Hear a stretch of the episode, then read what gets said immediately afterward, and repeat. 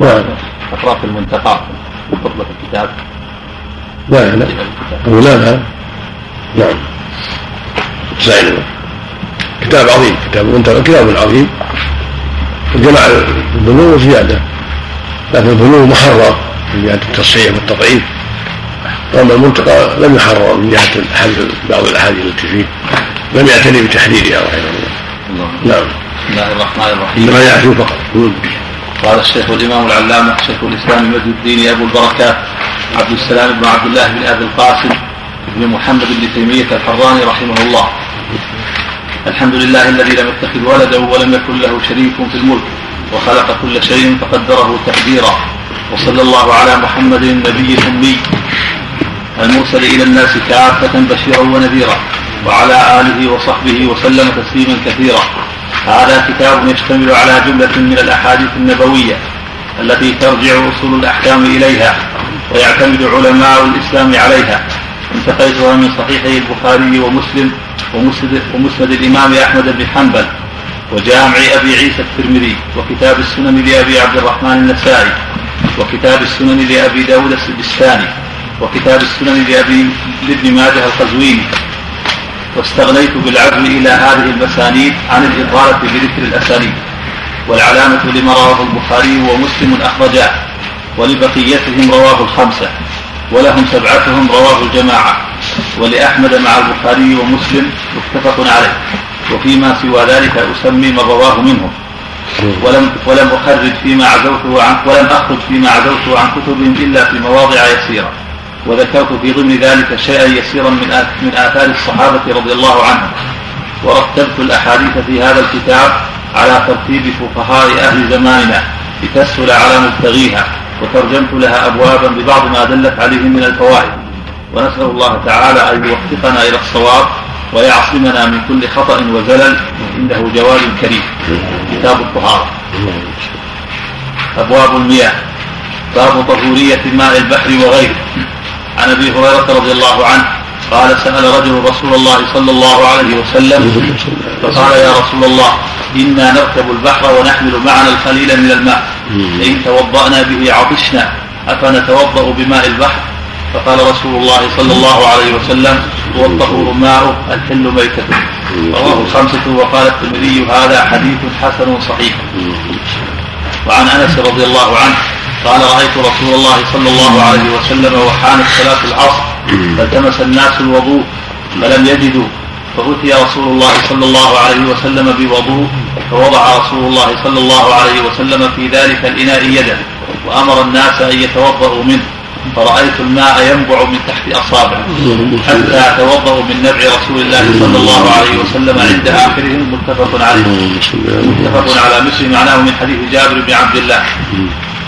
وفيه تنبيه على أنه لا بأس برفع الحدث من ماء زمزم لأن قصاراه أنه ماء شريف مستشفى متبرك به.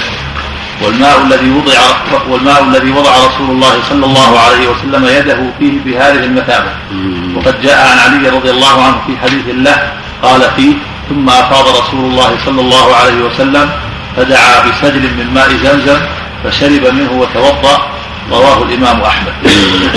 باب طهارة الماء المتوضأ به بسم الله الرحمن الرحيم. الحمد لله وصلى الله وسلم على رسول الله وعلى آله وأصحابه. أما بعد فهذا الكتاب وهو منتقى الأخبار للعلامة الإمام الكبير مجد الدين أبي البركات عبد السلام بن عبد الله بن أبي القاسم بن محمد بن الخضر بن تيمية الحراني الإمام المشهور رحمه الله. كتاب عظيم.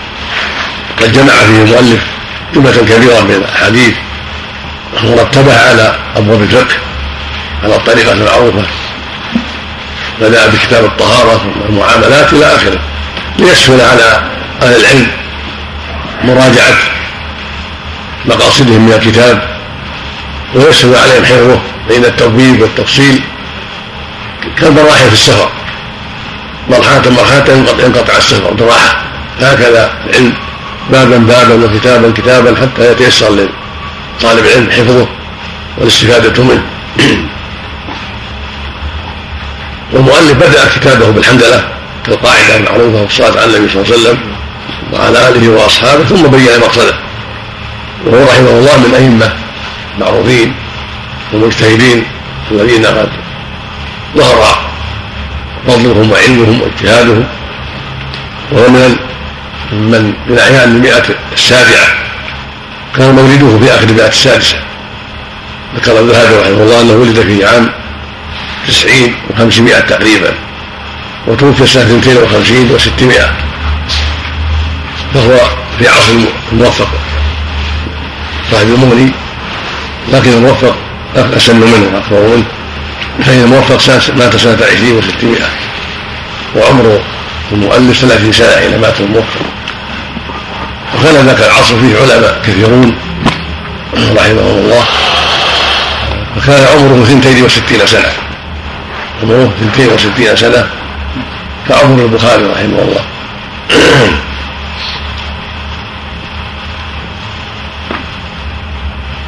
وأخذ العلم عن طبق عن عن زمانه وعن عمه فخر الدين المعروف صاحب الترغيب والبلغه وهو محمد بن أبي القاسم بن عبد الله بن بن محمد بن الخضر ابن تيمية رحمه الله هو امام المعروف وأبو عبد الله محمد بن أبي القاسم صاحب كتاب الترغيب له في الفقه والبلغه وهو إمام مشهور ولقب فخر الدين. مات سنة 21 و600 رحمه الله. وقد يلتبس المؤلف بحفيده شيخ الإسلام ابن تيمية رحمه الله. عند عندما يطلق ابن تيمية فإذا قيل مجد الدين ابو البركات فهو هذا. وهو عبد السلام بن عبد الله بن أبي القاسم بن تيمية. سمي مجد الدين لسعة علمه وفضله وكثرة خصاله الحميدة. وأبو بركات لكثرة علمه وفضله. كان عالما كثير الفقه وكثير العبادة رحمه الله. ذكروا عن حفيده أبي العباس بن تيمية رحمه الله أنه قال كان في جدنا رحمه الله بعض العدة قد سأله سائل واعترض عليه المعترض في مسألة من المسائل وطلب عليها الدليل فقال رحمه الله الحجة عليها من ستين وجها. ثم ذكر الوجوه فسردها. ثم قال لصاحبه مر منك في عادة الوجوه؟ المقصود أنه إمام كبير رحمه الله.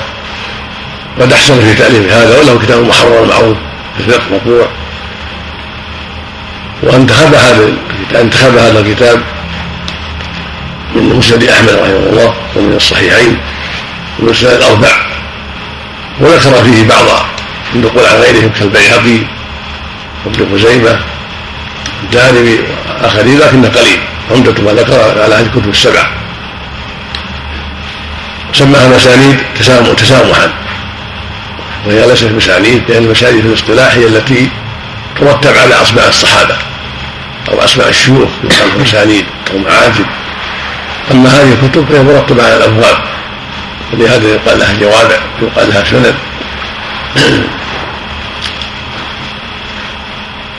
يقول الحافظ العراقي رحمه الله في ألفيته لما ذكر السنن قال ودونها في رتبة ما جعل على المسانيد فيدعى جفلا كمسند الطيالسي وأحمد وعده للدارمي انتقدا يعني عد عند الصلاح لكتاب الدارمي مسند انتقد لأن كتاب الدارمي ليس مسندا بل سنن جاء مرتب على الأبواب كما هو معروف.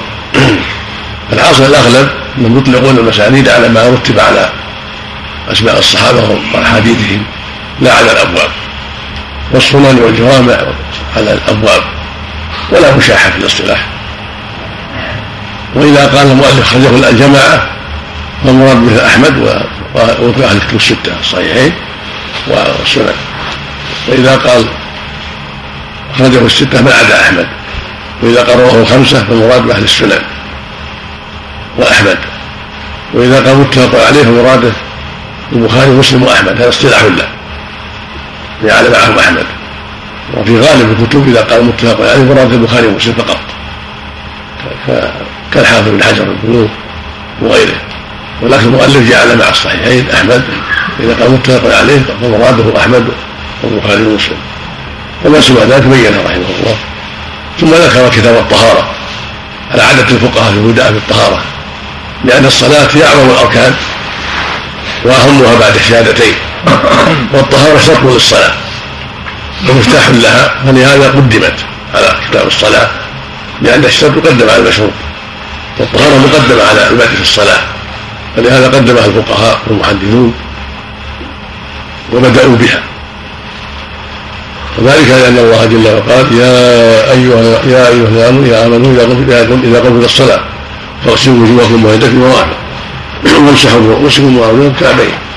فهم مأمورون بأن يتطهروا إذا قاموا إلى الصلاة فلهذا يبدأ بالطهارة قبل كتاب الصلاة كما يبدأ بالطهارة فعلا قبل الشروع في الصلاة. والحديث الصحيح يقول صلى الله عليه وسلم لا تقبل صلاة أحد من حدث حتى يتوضأ. متفق عليه. في صحيح مسلم عن ابن عمر يقول صلى الله عليه وسلم لا تقبل صلاة من غير طهور ولا صدقة من غلول حديث علي عند أهل السنة مفتاح الصلاة الطهور. تحريمها التكبير وتحليلها التسليم. والطهارة هي ارتفاع الأحداث وزوال الأخبار هذه الطهارة. ارتفاع الأحداث كالجنابة والحدث الأصغر والحيض والنفاس وزوال الأخبار فهي النجاسات. الأخبار تكون في البدن وفي الثياب وفي المصلى والطهارة والحدث يكون معنوي شيء معنوي وهو الجنابة ونحوها والحدث الأصغر قال للتطهر منه طهارة من الحدث. وارتفاع ذلك بالطهارة التي شرعها الله. أما النجاسة فتزول بإزالتها بغسلها من الثوب من البدن من البقعة فإذا غسلت زالت النجاسة. حصلت الطهارة. وأما الحدث الأكبر والأصغر فيزولان بنية الطهارة وفعلها وتفاعلها ناويا للطهارة زال تلك زال ذلك الحدث وذلك المعنى الذي تسمى إزالته طهارة ثم ذكر ما يتعلق بالمياه لأنه يتطهر بها. طهارة تكون بالماء وتكون بالاستجمار. بدأ بالمياه. ويأتي بحث الاستجمار في بابه والمياه هي الأصل في الطهارة. الله أنزل الماء طهورا للعباد. وأنزل من السماء ماء طهورا. فالطهارة أصبح بالماء. والماء أنواع. ماء البحر وماء الأمطار وماء الآبار وماء الأنهار وغير ذلك الماء. وكلها أصلها مما خلق الله عز وجل وأنزل من السماء سبحانه وتعالى. فأسكنه في الأرض وجعله متاعا للعباد رحمة له سبحانه وتعالى. فيجوز التطهر بجميع أنواع المياه سواء كانت مالحة أو حلوة أو غير ذلك. كلها طهور هذا الأصل فيها أن الله جعلها طهورا للعباد. ولهذا لما قال يا رسول الله إن نركب البحر ونحن معنا قليل من الماء أفلا توضأ بماء البحر؟ قال النبي صلى الله عليه وسلم هو الطهور ماؤه الحل ميتته والبحر هو الطهور ماؤه فيطهر الإنسان من البحر عن جنابته وعن حدثه الأصغر والمرأة كذلك عن حيضها ونفاسها وإن كان مالحا هو طهور كذلك مياه الأنهار الجارية. وهكذا الأودية الجارية من الأمطار. هكذا الأحواض الموجودة في البراري من المطر. هكذا عيون العيون الجارية هكذا الآبار المحفوظة. وما أشبه ذلك. كل ما وجد من الماء سليم جاز الطهور به. والأصل في المياه الطهارة إلا إذا تغيرت بنجاسة. إذا تغيرت نجست سواء كان التغير باللون أو بالريح أو بالطعم أما ما دامت سليمة فالأصل فيها الطهارة. الحديث الثاني والحديث الثاني حديث أنس في نبع الماء بين أصابع النبي صلى الله عليه وسلم. هذا داخل في المياه. لأن ماء طهور سليم طيب فدخل في المياه الطاهرة. فلهذا توضأ منه الصحابة من بين يدي النبي صلى الله عليه وسلم. فإنه لما وقع النبي هذا مرات كثيرة نبع الماء بين أصابع مرات كثيرة عليه الصلاة والسلام. في, في البر في الأسفار وفي الحضر. في بعض الأيام كانوا مجتمعين عند صلى الله عليه وسلم كانوا جما غفيرا فحضرت الصف وليس هناك ماء. فأتي بقدح فيه بعض الماء ووضع يده فيه عليه الصلاة والسلام فجعل ينبوع الماء بين أصابعه عليه الصلاة والسلام. فتوضأ الناس عند آخرهم وكان جما غفيرا. وهكذا وقع في بعض أسفاره عليه الصلاة والسلام. وهكذا وقع في في بئر حديبة لما توضض وألقى فيها الماء. جاشت بالمياه رواية أخرى أنه وقع فيها سهم من كنايته فجاشت بالمياه هذه من آيات الله ومعجزات نبيه عليه الصلاة والسلام. هذه من المعجزات العظيمة. كما خلق الله لموسى الحجر وجعله ينظر بعصاه وينبع منه اثنتا عينا لبني إسرائيل رحمة لهم. والله جعل لهذه الأمة على يد نبيها صلى الله عليه وسلم. هذا الماء وهذا اعجب واعجب لأن يعني الماء من الحجر ليس من المبعوث من اليد. اليد أعجب وأعظم. في المعجزة. هذه من آيات الله. وهو دليل على أن الماء طهور من أي جنس كان ومن أي نبع كان نبع من الجبال أو من الأراضي أو من سباح أو من أي مكان. الماء السليم ماء طهور. ويقول المؤلف رحمه الله هذا يدل على أن ماء ماء, زمزم يطهر به وإن كان ماء شريفا لأن الماء الذي نبع من بين اصابعه ماء شريف أيضا. فإذا جاز هذا جاز هذا وهذا الذي قاله صحيح. فإذا ماء زمزم وإن كان مباركا المناسب من السماء مبارك ونزلنا من السماء ماء مباركا. فأما كان في جنات وحب الحصير فالماء المطر مبارك وماء زمزم مبارك ويجوز أن يستعمل هذا وهذا. في في إزالة النجاسة وفي إزالة الحدث. ولك أن أن توضأ من ماء زمزم. ولك أن تستنجي منه ولك أن أن تغتسل ولك أن توضأ الوضوء الشرعي كما أنك تشرب منه لما فيه من البركة يجوز أيضا الوضوء والاغتسال وإزالة النجاسة ومن كره ذلك فلا دليل معه. فهكذا الماء الذي من بين اصابع النبي صلى الله عليه وسلم ماء شريف وماء عظيم ومع هذا توضأ منه المسلمون بأمره عليه الصلاة والسلام. أحسن الله بعد حديث انس إيش بعد حديث انس؟ حديث أنس وآخر. وقد جاء عن علي رضي الله عنه. كذلك حديث علي في وضوء النبي من زمزم.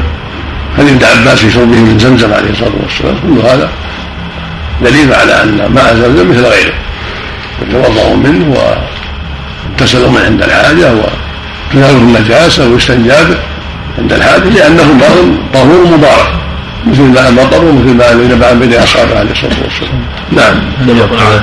نعم. المياه ثلاثة من جهه التقسيم من جهة الطهارة وعدمها نعم طهور وطاهر. القول الثاني انه انه قسمان فقط. طهور ونجس بس نعم. نبع الماء من بين اصابع الرسول صلى الله عليه وسلم. من وسط اصابعه ولا آه، بركة يعني لما وضع يديه في كثر الماء؟ من بين اصابعه من من بين الاصابع من داخل اصابعه آيات الله جل وعلا عظيمة سبحانه وتعالى. نعم.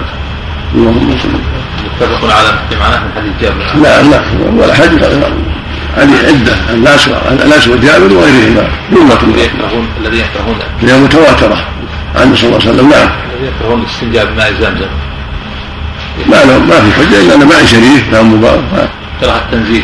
نعم هذا مقصود. نعم. القهات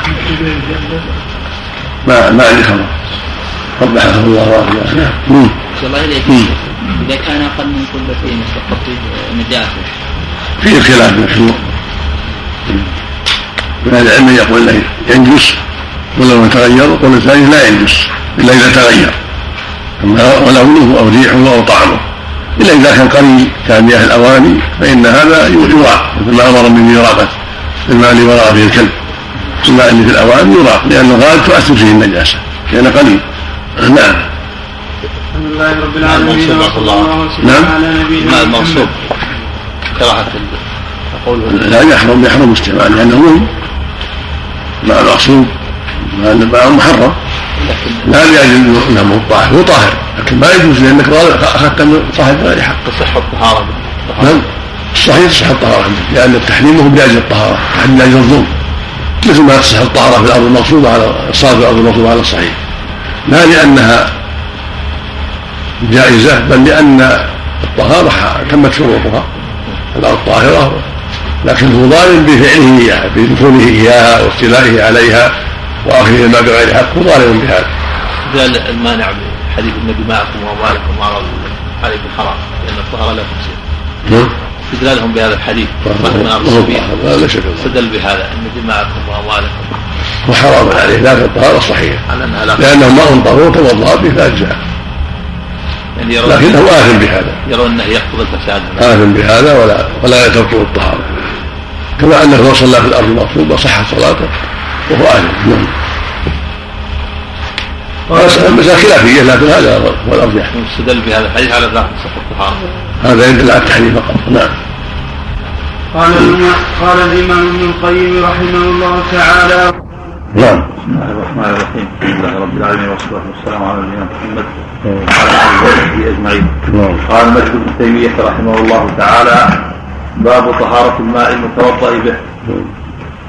عن جابر عن جابر بن عبد الله رضي الله عنهما قال جاء رسول الله صلى الله عليه وسلم يعودني وأنا مريض لا اعقل فتوضأ وصب وضوء وضوء فتوضأ وصب وضوءه علي متفق عليه.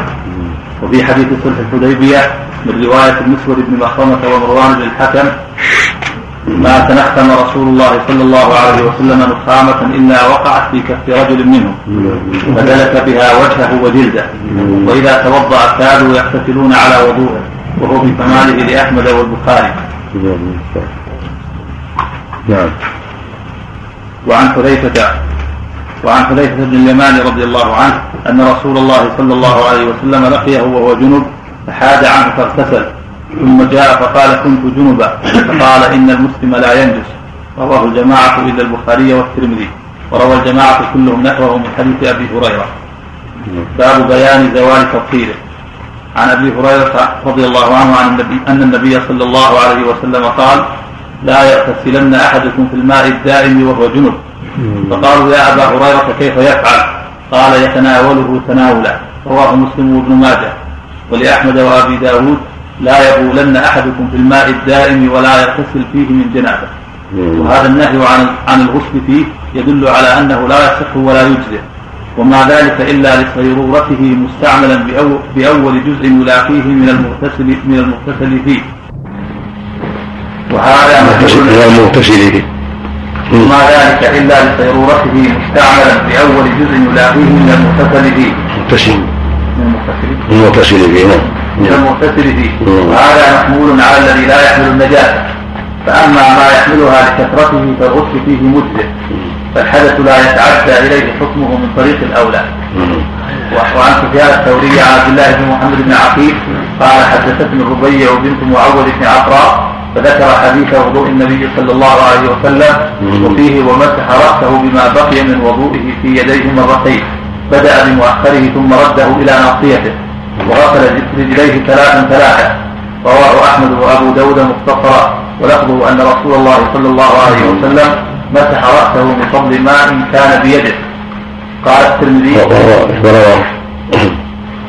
ولفظه رواه أحمد وأبو داود مختصرا ولفظه أن رسول الله صلى الله عليه وسلم مسح رأسه من فضل ماء كان بيده.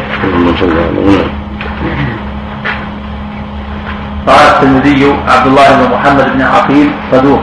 لكن تكلم فيه بعضهم من قبل حفظه وقال البخاري كان أحمد وإسحاق والحميدي يحتجون بحديثه. قلت وعلى تقدير أن يثبت أن النبي صلى الله عليه وسلم مسح رأسه بما بقي من بلن يديه فليس يدل على طهورية الماء المستعمل لأن الماء كلما تنقل في محال التطهير من غير مفارقته إلى غيرها فعمله وتطهيره باق ولهذا لا يقطع عمله في هذه الحال ولهذا لا يقطع عمله في هذه الحال تغيره بالنجاسات والطاهرات. نعم. باب الرد على من جعل ما يقترف منه المتوضئ بعد غسل وجهه مستعملا. نعم. عن عبد الله بن زيد بن عاصم رضي الله عنه أنه قيل له توضأ لنا وضوء رسول الله صلى الله عليه وسلم فدعا بإناء فأكثر منه على يديه فغسلهما ثلاثا ثم أدخل يده فاستخرجها فمضمض واستنشق من كف واحدة ففعل ذلك ثلاثا ثم أدخل يده فاستخرجها فغسل وجهه ثلاثا ثم أدخل يده فاستخرجها فغسل يديه إلى المرفقين مرتين ثم أدخل يده فاستخرجها فمسح برأسه فأقبل بيديه وأدبر ثم غسل رجليه إلى الكعبين ثم قال هكذا كان وضوء رسول الله صلى الله عليه وسلم متفق عليه ولفظه لأحمد ومسلم. باب ما جاء في فضل طهور المرأة. بركة بسم الله الرحمن الرحيم. اللهم صل وسلم على رسول الله.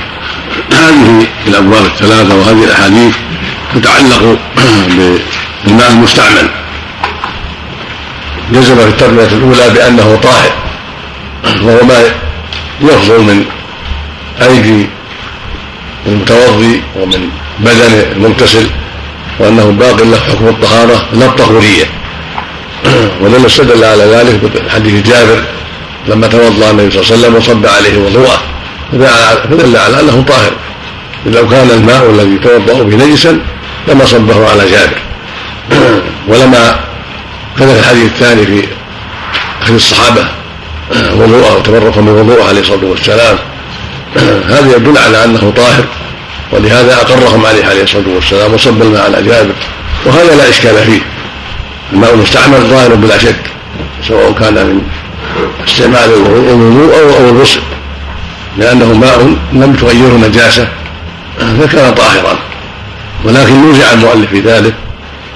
قال آخرون بل هو طهور أيضا. وليس لا يكفي كونه طاهرا بل هو طهور.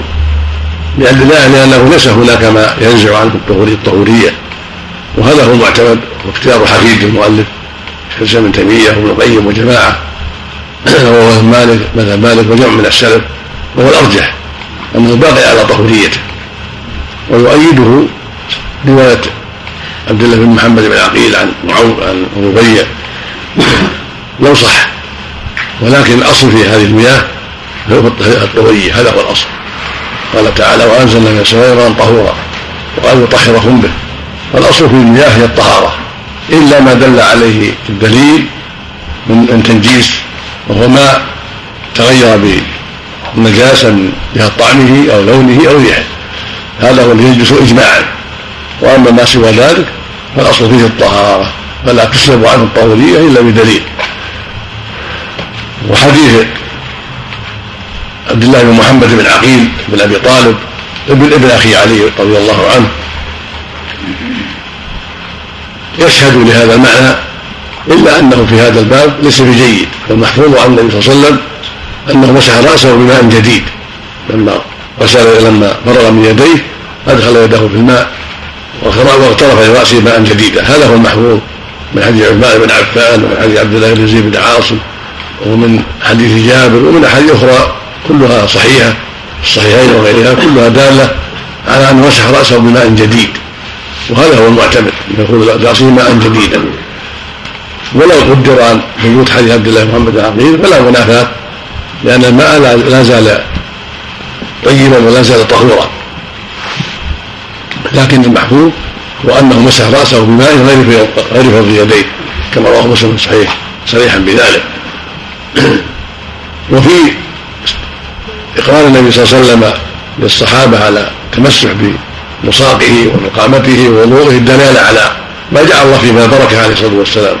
وأنه مبارك وما مس جسده مبارك. ولهذا أقرهم على هذا لما جعل الله في وضوئه ووصاقه وعرقه من الخير والبركة. وهكذا شعره صلى الله عليه وسلم وزعه بين الناس حجه الوداع عليه الصلاة والسلام. والخلاصة في هذا أن الماء المستعمل لا يكون طاهرا فقط بل هو طهور. وأما احتاج المؤلف بقوله صلى الله عليه وسلم لا يغسل حد ماء الدائم والجنوب ولا يغسل فيه ولا ولا فيه ولا بحجة.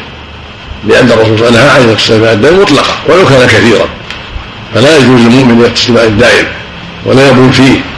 والحكمة في ذلك والله أعلم كما قال أهل العلم أنه وسيلة إلى إفساده وإلى تقديره. ولو كان لا ينجسه لكن متى اغتسل الناس في المياه وتتابعوا في ذلك قدروها على الناس. وربما أفضى ذلك إلى تنجيسها على طول المدى إذا بالوا فيها تنجس على طول المدى. الرسول سدد ذلك ومنع من هذا الأمر حتى لا يكون ذلك مفضيا إلى ما لا تحمد عقباه من تقريرها وتقديرها على الناس حتى لا يشربوا منها ولا ينتفعوا بها أو تنجيسها بالأموال ونحو ذلك. وليس المقصود أن الماء يكون مستعملا يكون طاهرا فقط بمجرد بالغسل فيه لا ولهذا اضطر المؤلف إلى أن يقول هذا محمول على ما إذا كان لا يتحمل وهو ما دون قلتين. فما ما كان فوق ما كان بلغ القلتين فأكثر فهذا يتحمل ولا حرج. وليس هذا بشديد لأن الرسول صلى الله عليه وسلم نهى عن الغسل مع الدم مطلقا ولو كان فوق القلتين. وبهذا تعلم أن استدلال المؤلف ليس بجيد وليس في محله والصواب أن استعمال الماء لا يجعله طاهرا بل هو باقي على طهوريته. هذا هو المعتمد والله أعلم. نعم الترجمة الثانية. نعم. رد على من جعل ما يختلف من التوضع بعد. هذا حجة عليه أيضا هذا حجة عليه وهذا ينافي ما قاله وهذا حجة عليه لأن إدخال يده في الإناء لا يجعله مستعملا. نعم. والنبي كان يدخل يديه اولا ادخلها المنظر الاستنشاق ثم ادخلها غسل الوجه ثم ادخلها غسل اليدين إلى آخره. نعم. بينهما يعني؟ كيف الجمع بين هذا وهذا؟ هو جمع بأن الماء ما زال ما زال, ما زال في أعضاء الوضوء فهو بحكم الطهوريه نعم. فإذا انفصل فإذا انفصل صار إلى أنه طاهر دون الطهور وهذا دين على القول المشهور عند الحنابلة أن المياه ثلاثة طاهر وطهور ونجس. وهو قول الشافعية وجماعه والصواب انه أنه نوعان طهور ونجس. والذي يسمى طاهرا هو طهور. وإنما الطاهر فقط هي المياه المضافه كماء الورد ماء الرمان ماء العنب هذه يقال لها ماء طاهرة فقط لأنها مياه مضافه مقيدة ليست مياه مطلقة. أما الماء المطلق الذي قال الله فيه لن تجدوا ماء هذا حكمه الطهارة هذا هو الأصل. إلا إذا تغير بالنجاسة صار نجسا بالإجماع. يعني نعم. الله قرر ما يختلف منه متوضأ هذا طهور ما ما قطعت هو الطهوريه باقية فيه. ما دام يتردد على الأعضاء. ولهذا يزيل الأذى. الغسلة الأولى قد تكون هناك بها شيء من أذى ثم تأتي الثانية فتزيل بقية الأذى ثم تكمل. أما من وذلك ما قد يكون من نجاسه في العضو تزيله الغسلة الأولى وتخففه ثم تأتي الثانية فتخفف أو تزيل ثم تأتي الثالثة إلى أن يزول النجاسة. إلى أن تزول النجاسة. نعم. عمل للتحريم والكراهة. نعم. النهي للتحريم وللكراهه ظاهر النهي التحريم. نعم. نعم. رواية أحمد بن داوود لا من أحد في الماء دام ولا تسجيل الجنابة كان الإنسان مثلا ما الماء مثلا دائم مثلا أو بركة نعم إذا كان من الجنابة أسهل. نعم. لأن الجنوب يعلق به أشياء من أوساخ ومن مني وما يتعلق من المرأة. أما إذا كان للتبرد فقط فلا واسع في هذا. لأن قال وهو جنب صلى الله عليه وسلم. إذا كان أقل من قلتين يا شيخ. نعم. إذا كان أقل يعني. إيش فيه؟ من قلتين ما يجوز الترتيب ولو أكثر من قلتين. لا يغتسل فيه. لا يغتسل فيه هو جنب ولا تغتسل فيه الحائض تغترف في إناء أو تكون على جالة وتغترف أو يغترف الرجل. ولا يغتسل نفسه فيه. وهو جنب أو حائض أو نفسه نعم. ما يذكر على الحنفية أنه جازوا الوضوء بماء الورد ونحوه. ليس ليس بجيد نعم. نعم. غير النبي. تبرك وضوء غير النبي أو لا لا يقاس عليه غيره صلى الله عليه وسلم. هذا خاص به صلى الله عليه وسلم. ولهذا ما فعله الصحابة مع عبد مع أبي بكر ولا مع عمر ولا مع عثمان ولا مع علي وهم أفضل الناس بعد النبي صلى الله عليه وسلم. هذا خاص به لأن الله جعل فيما بركه ما جعل وهو ينهاهم عن الشرك ولا يقرهم عليه ولولا أنه جاهل لما أقرهم. نعم. عبارة المؤلف وأما ما يحملها لكثرته فالغسل فيه مجزئ فالحدث لا يتعدى إليه حكمه. هذا هذا هذا من كيسه عبارة, حكمه تعود إلى الضمير. نعم. فالحدث لا يتعدى إليه حكمه. من طريق الأولى. فأما ما يحملها لكثرته فالغسل فيه مجزئ فالحدث لا يتعدى إليه حكمه من طريق الأولى. ضمير في حكمه يعود إلى الحدث ولا؟ إيش؟ فأما ما يحملها لكثرته فالغسل فيه مجزئ. فالحدث لا يتعدى إليه حكمه. إلى الماء إلى الماء إلى الماء. من باب أولى إذا ما يتعدى حكم النجاسة فالحدث من باب أولى نعم. اللهم صل الحمد لله رب العالمين. نبينا محمد وعلى آله وصحبه أجمعين اللهم صل وسلم قال ابن تيمية رحمه الله تعالى باب ما جاء في فضل طهور المرأة. عن الحسن بن عمرو الغفاري رضي الله عنه أن رسول الله صلى الله عليه وسلم نهى أن يتوضأ الرجل بفضل طهور المرأة. رواه الخمسة إلا إلا أن ابن ماجه والنسائي قال وضوء المرأة. وقال الترمذي هذا حديث حسن. وقال ابن ماجه وقد روى بعده حديثا آخر الصحيح الأول يعني حديث الحكم وعن ابن عباس رضي الله عنهما أن رسول الله صلى الله عليه وسلم كان يغتسل بفضل ميمونة. رواه أحمد ومسلم. وعن ابن عباس رضي الله عنهما أن ميمون عن ميمونه أو عن ابن عباس رضي الله عنهما عن ميمونة رضي الله عنها أن رسول الله صلى الله عليه وسلم توضأ بفضل غسلها من الجنابة. رواه أحمد وابن ماجه. وعن ابن عباس رضي الله عنهما قال اغتسل بعض أزواج النبي صلى الله عليه وسلم في جفنة. فجاء النبي صلى الله عليه وسلم ليتوضأ منها أو يغتسل فقالت له يا رسول الله إني كنت جنبا. فقال إن الماء لا يجنب رواه أحمد وأبو داود والنسائي والترمذي وقال حديث حسن صحيح. قلت وأكثر أهل العلم على الرخصة للرجل من فضل طهور المرأة والأخبار بذلك أصح. وكرهه أحمد وإسحاق إذا خلت به. وهو قول عبد الله بن سرجس وحملوا حديث ميمونة على أنها لم تخل به. جمعا بينه وبين حديث الحسن فأما غسل الرجل والمرأة ووضوءهما جميعا فلا اختلاف فيه. قالت أم سلمة رضي الله عنها كنت أغتسل أنا ورسول الله صلى الله عليه وسلم من إناء واحد من الجنابة. متفق عليه. وعن عائشة رضي الله عنها قالت كنت أغتسل أنا ورسول الله صلى الله عليه وسلم من إناء واحد تختلف أيدينا فيه من الجنابة. متفق عليه. وفي لفظ للبخاري من إناء واحد نغترف, نغترف منه جميعا.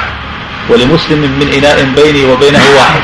فيبادرني وأبادره حتى أقول دع لي دع لي وفي لفظ للنسائي من إناء واحد يبادرني وأبادره حتى يقول حتى حتى يقول دعي لي وأنا أقول دع لي باب حكم الماء إذا لاقته النجاسة. عن أبي سعيد الخدري رضي الله عنه قال قيل يا رسول الله أنا أتوضأ من بئر بضاعة وهي بئر تلقى فيها الحيض ولحوم الكلاب والنت فقال رسول الله صلى الله عليه وسلم الماء طهور لا ينجسه شيء. رواه أحمد وأبو داود وأبو داود والترمذي وقال حديث حسن. وقال أحمد بن حنبل حديث بئر بضاعة صحيح. وفي رواية لأحمد وأبي داود إنه يستقالة من بئر من بئر بضاعة وهي بئر يطرح فيها محائض النساء ولحم الكلاب وعذر النساء. وعذر الناس. فقال رسول الله صلى الله عليه وسلم إن الماء طهور لا ينجسه شيء. قال أبو داود سمعت قتيبة بن سعيد قال سألت قيم بئر بضاعة عن عمقها. قلت أكثر ما يكون فيها أكثر ما يكون فيها الماء. قال إلى العانة. قال فإذا نقص قال دون العورة. قال أبو داود قدرت بئر بضاعة قدرت بئر بضاعة بردائي فمددته عليها ثم درعته. إذا عرضها ستة أذرع. وسألت الذي فتح لي باب المستان فأدخلني إليه فقلت هل غير بناؤها عما كان عليه؟ فقال لا. ورأيت فيها ماء متغير اللون. وعن عبد الله بن عمر بن الخطاب رضي الله عنهما قال سمعت رسول الله صلى الله عليه وسلم وهو يسأل عن الماء يكون في الفلاة من الأرض وما ينوبه من السباع والدواب. فقال إذا كان الماء قلتين لم يحمل الخبث. رواه الخمسة وفي لفظ ماجه ورواية لأحمد لم ينجسه شيء.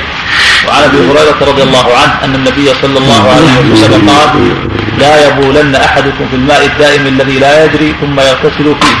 رواه جماعة وهذا لفظ البخاري. ولفظ الترمذي ثم يتوضأ منه.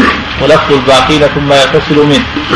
ومن ذهب إلى خبر القلتين حمل هذا الخبر على ما دونهما وخبر بئر بضاعة على ما بلغهما جمعا بين الكل. باب آثار البهائم. بسم الله الرحمن الرحيم اللهم صل على محمد هذه الأحاديث تتعلق بفضل طهور المرأة وغسل الرجل والمرأة جميعا ووضوئهما والتعلق أيضا بما بلغ القلتين من الماء وهل يتنجس بالملاقات ام لا ينجس إلا ما دونهما. حديث أول حديث الحكم بن عمرو الغفاري في النهي عن فضل طهور المرأة. بعض عن فضل وضوئها. وفي الأحاديث الأخرى الدلالة على أنه صلى الله عليه وسلم كان يتوضأ ويغتسل بفضل بعض النساء عليه الصلاة والسلام. اختلف العلماء في هذا وذهب أكثر أهل العلم إلى أنه لا حرج في فضل طهور المرأة. كفضل طهور الرجل وأن خلوتها خلوتها بالماء أو عدم خلوتها بالماء كل ذلك لا يضر الماء وإنما يضر الماء النجاسة إذا تغيرت إذا غيرت الماء. وقالوا حديث الحكم شاذ مخالف للأحاديث الصحيحة فلا يعول عليه. والصحيح على الصحيح ما دلت عليه الأخبار من فضل من وضوئه صلى الله عليه وسلم بفضل نسائه واغتساله بفضل الميمونة وغيرها. وأن هذا لا حرج فيه ولا بأس. فالرجال يأتون عن النساء والنساء يأتون عن الرجال ولا حرج في ذلك. ذهب قوم إلى حمل حديث الحكم على الخلوة إذا خلت به كأحمد وجماعة. يكره فضلها وإذا لم تخلو به فلا بأس. والصحيح ما قاله الجمهور. الصحيح ما قاله الجمهور وأن خلوتها وأن خلوتها ليست هي مؤثرا وإنما تركه أولى خروجا من الخلاف. إذا وجد غيره فتركه أولى. قد جاء في حديث آخر عن رجل من أصحاب النبي صلى الله عليه وسلم أنه نهى أن يفسر المرأة والمرأة فضل الرجل وأنه لا يختلفها جميعا. رواه أبو داود النسائي بإسناد صحيح كما ذكره الحافظ في القلوب. فعلى هذا يكون الفضل من الماء القليل. تركه أولى إذا وجد غيره من المرأة والرجل.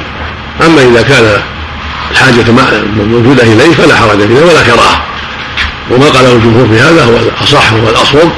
وإنما يترك فضلها عند وجود غيره من باب التنزل ومن باب الاحتياط فقط ولا حرج في ذلك. وأما ما يتعلق بنجاسة الماء إذا كان قليلا من الملاقات هذا أيضا موضع خلاف بين أهل العلم. وإذا بلغ القلتين فلا خلاف إنه لا يجوز إلا بالتغير. والقلتان هو هما ما يستطيع الرجل أن يقله الرجل القوي المعتدل هو تقدر تقدر بخمس قرب من قرب الحجاز وهي صغيرة. فإذا بلغ الماء نحو هذا هو كثير لا يجوز بالملاقاة حديث القلتين لا بأس بإسناده. له طرق ولا بأس بإسناده. ولا يحمل الخبث لا لا ينجسه ما يقع فيه من الأشياء التي لا تغيره. وذهب الجمهور إلى أن الماء مطلقا. لا يجوز إلا بالتغير. وهو قول أهل المدينة. هو أجمل من حيث من حيث الدليل. وحديث القلتين فيه ما فيه وليس صريحا في تنجيس ما دونهما. وإنما يدل على أن ما بلغه ماء له حكم الكثرة. فهو يحمل الخبث ويضيع فيه الخبث ويتضاءل فيه ويستحيل فيه فلا يؤثر. أما ما دونه فقد يؤثر فيه. وقد يظهر فيه أثر من لون أو طعم أو ريح فلهذا قيل إذا بلغ القلتين. والحكم مناط بالتغير وعدمه فإن تغير نجس وإلا فلا. وهذا هو هو الأصح والاظهر من حيث الدليل. ولكن ينبغي المؤمن إذا كان الماء أقل من قلتين أن يحتاط ولا سيما إذا كان قليلا كماء الأواني ولهذا لما لما ولغ لما ذكر النبي صلى الله عليه وسلم الوضوء قال فليرقه قالوا فهذا يدل على أن الأواني الصغيرة التي يعتادها الناس إذا وقعت فيها النجاسة فلا اراقتها لأن الغالب أنها تؤثر فيها. أما ما كان كثيرا كالقلة وقلة النصف وأشباه ذلك فإنه لا ينبغي يتأثر بهذا إلا إذا كان أثر فيه التغير في ريح أو طعم أو لون. وهذا هو الأرجح. الأرجح أن الماء حيث هو لا ينجسه شيء كما قاله النبي إن الماء طهور لا ينجسه شيء. هذا هو الأصل فيه. لكن إذا كان قلتين صار عدم تحمل كان تحمله للنجاسة أكثر لكثرته بخلاف ما دونهما. فالحاصل أن ما دونهما محل احتياط ومحل نظر ومحل عناية وما بلغه ما في الغالب فإنه لا يتأثر. لكن متى تأثر بالنجاسة؟ ريحا أو طعما أو لونا نجس عند الجميع. وصار حكم حكم النجاسات فإن زال نجس تغيره بان اضيف إليه ماء آخر أو بطول المكر زال التغير عادت إليه الطهارة. لأن الحكم يدور مع علته وجودا وعدما. فإذا زال التغير عادت الطهارة وإذا وجد التغير فالنجاسة باقية والتغير يزول تارة دون المكث وتارة بصب الماء زيادة بصب الماء إليه زيادة حتى يغير ما فيه. وتعود إليه الطهارة بسبب ذهاب أسبابها وهو التغير وهذا هو المعتمد. والله أعلم. وصلى الله وسلم على نبينا محمد وعلى آله وصحبه حكم القول بأنه شاذ لأنه مخالف الأحاديث الصحيحة التي فيها وضوء النبي بفضل فضل ميمونة رواه مسلم في الصحيح وروايات الأخرى وعموم ونعترفها جميعا وهما جميعا فإنه إذا اغتسل واغتسلت يفضل بعدها شيء ويفضل بعده شيء. وإذا اغتسلا جميعا. أكرمك الله ما هو بالأولى حمله على التنبيه كما بينه وبين حديث ميمون أو نعم. ما هو بالشذوذ إذا قيل بهذا مثل ما تقدم من باب الاحتياط. أصلهما جميعا. من باب من باب الاحتياط. والقا- والقاعدة عند أهل العلم أن ما خالف الأرجح يسمى شاذا كما قال الشافعي رحمه الله والمسلم ما يخالف الثقة فيه الملأ. يقول حافظ غير خلف بأرجح فالراجح المحمود والمقابل هو الشاذ. فإذا كان المقا- المقابل أرجح حكم على المقابل بالشذوذ وإذا حمل على الكراهة كراهة التنزيه كان هذا وجها من الجمع جانب ولا ولا يضر. نعم. عند عند عدم الحاجة إليه. إذا احتيج إليه زالت الكراهة. يكون في عمل بال- بالأحاديث من الجانبين. عفى الله عنك نعم. ولا مانع من الشذوذ نعم. ولا مانع من الحكم عليه بالشذوذ على المعتبرة نعم. نعم. حكم الطهارة. الطاهر لو طهور نعم. هذا الصحيح نعم. أصلهما جميعا يكون سنة. نعم. فصل الرجل مع امرأة يكون سنة. جائز جائز حكمه الجواز. وإذا ما يبقى سنة. أما محل نظر. إذا فعلها النبي يبين جواز هذه الشرط والسنة نعم. قد يقاس قد يقاس جميعا الأمر. في في توضا الرجل نهار الرجل توضا المرأة قال ولا يعترفها جميعا. نعم. نعم. مياه المجاري المرقاة يكون طابع الهدايا إذا زالها إذا زال الريح والطعم واللون هذا جاء حكم الطهارة. نعم. الأرض ما هي بالطاهرة نعم. الأرض ما هي أمرها لا ما الطهر لا بد من إضافة لا لا ما تكفي وحدها نعم. الأرض ما تكفي وحدها نعم. دون كل شيء. نعم. الماء القليل ضابطه ما دون كل شيء. نعم. شوف نعم. الحمد لله رب العالمين وصلى الله وسلم على نبينا محمد. بسم الله الرحمن الرحيم الحمد لله رب العالمين والصلاة والسلام على نبينا محمد وعلى آله وصحبه أجمعين. قال ابن ابن تيمية رحمه الله تعالى باب آثار البهائم. حديث ابن عمر رضي الله عنهما في الخلتين يدل على نجاستها وإلا يحكم التحديد بالخلتين في جواب السؤال عن ورودها على الماء عبثا. وعن أبي هريرة رضي الله عنه قال قال رسول الله صلى الله عليه وسلم إذا ولغ الكلب في إناء أحدكم فليرقه فليرقه وليغسله سبع مرات رواه مسلم والنسائي. باب سؤل الهر عن كبشة بنت كعب بن مالك رضي الله عنها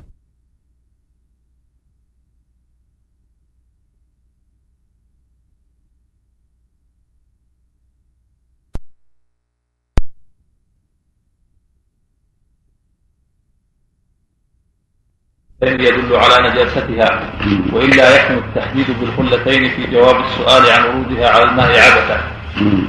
وعن أبي هريرة رضي الله عنه قال قال رسول الله صلى الله عليه وسلم إذا ولغ الكلب في إناء أحدكم فليرقه فليرقه وليغسله سبع مرات.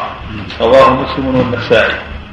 باب سؤل الهر عن كبشة بنت كعب بن مالك رضي الله عنها وكانت تحت وكانت تحت ابن أبي قتادة وكانت تحت ابن أبي قتادة رضي الله عنه أن أبا قتاده أن أبا قتادة رضي الله عنه دخل عليها فسكبت له وضوءا فجاءت مرة تشرب منه فأصغى لها الإناء حتى شربت.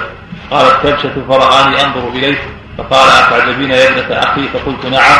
فقال إن رسول الله صلى الله عليه وسلم قال إنها ليست بنجس.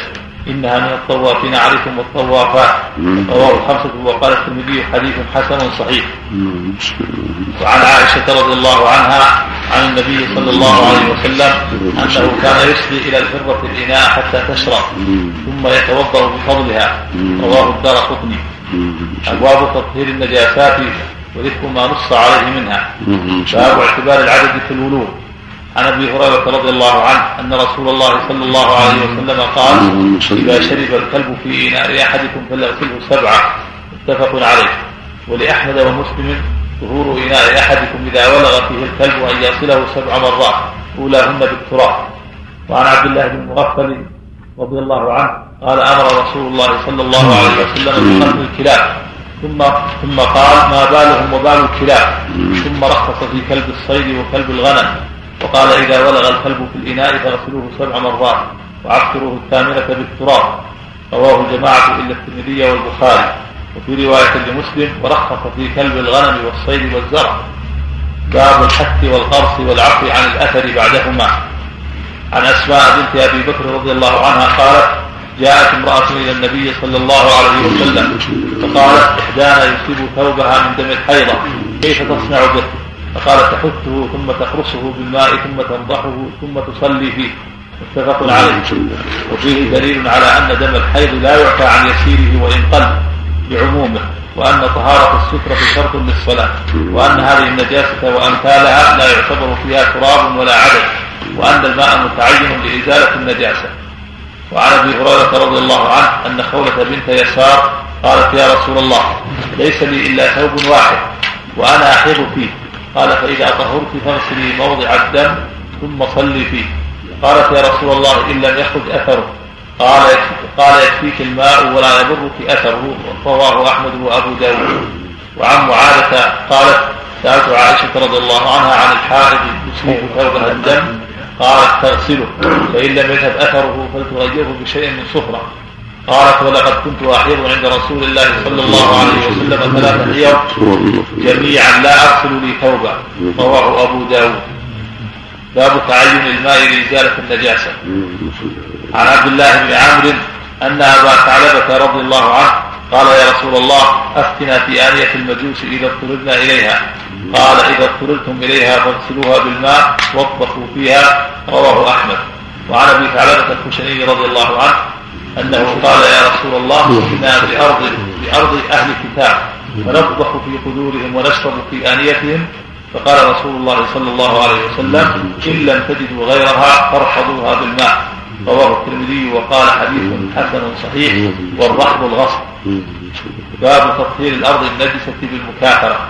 بسم الله الرحمن الرحيم. اللهم صل وسلم على رسول الله وعلى آله وأصحابه. أما بعد فهذه الأحاديث في بلوغ الكلب وفي بلوغ الهره وفي آثار البهائم وفيما يتعلق بتطهير النجاسات بأنواعها وتعين الماء لتطهير النجاسة. الحديث الأول أشار المؤلف إلى حديث ابن عمر في قلتين وفي آثار البهائم يعني فضل يعني فضلها والسر والفضل. دل الحديث حديث ابن عمر أن على أن آثار البهائم في الأحواض التي تكون في البراري يعفى عنها وأن مثل ما قال تجد علينا ولا يرد عليها فلا يضر المياه التي في البراري ورود البهائم عليها من الأسود والنمور والذئاب والكلاب وغير ذلك. فأصل الطهارة إن الماء طهور لا يجلسه شيء وهذا فيما إذا بلغ القلتين فأكثر. وهذا هو قول جمهور أهل العلم لا خلاف في ذلك يعتبر. لأن الأصل هو الطهارة. وتأثر ذلك بالنجاسة أمر لا يثبت بالوهم ولا بالظن وإنما يثبت بوقوعه وتغير الماء به. وأما ما دون القلتين فهو محل الخلاف تقدم البحث في ذلك وأن الأرجح أنه لا ينجس أيضا إلا بالتغير.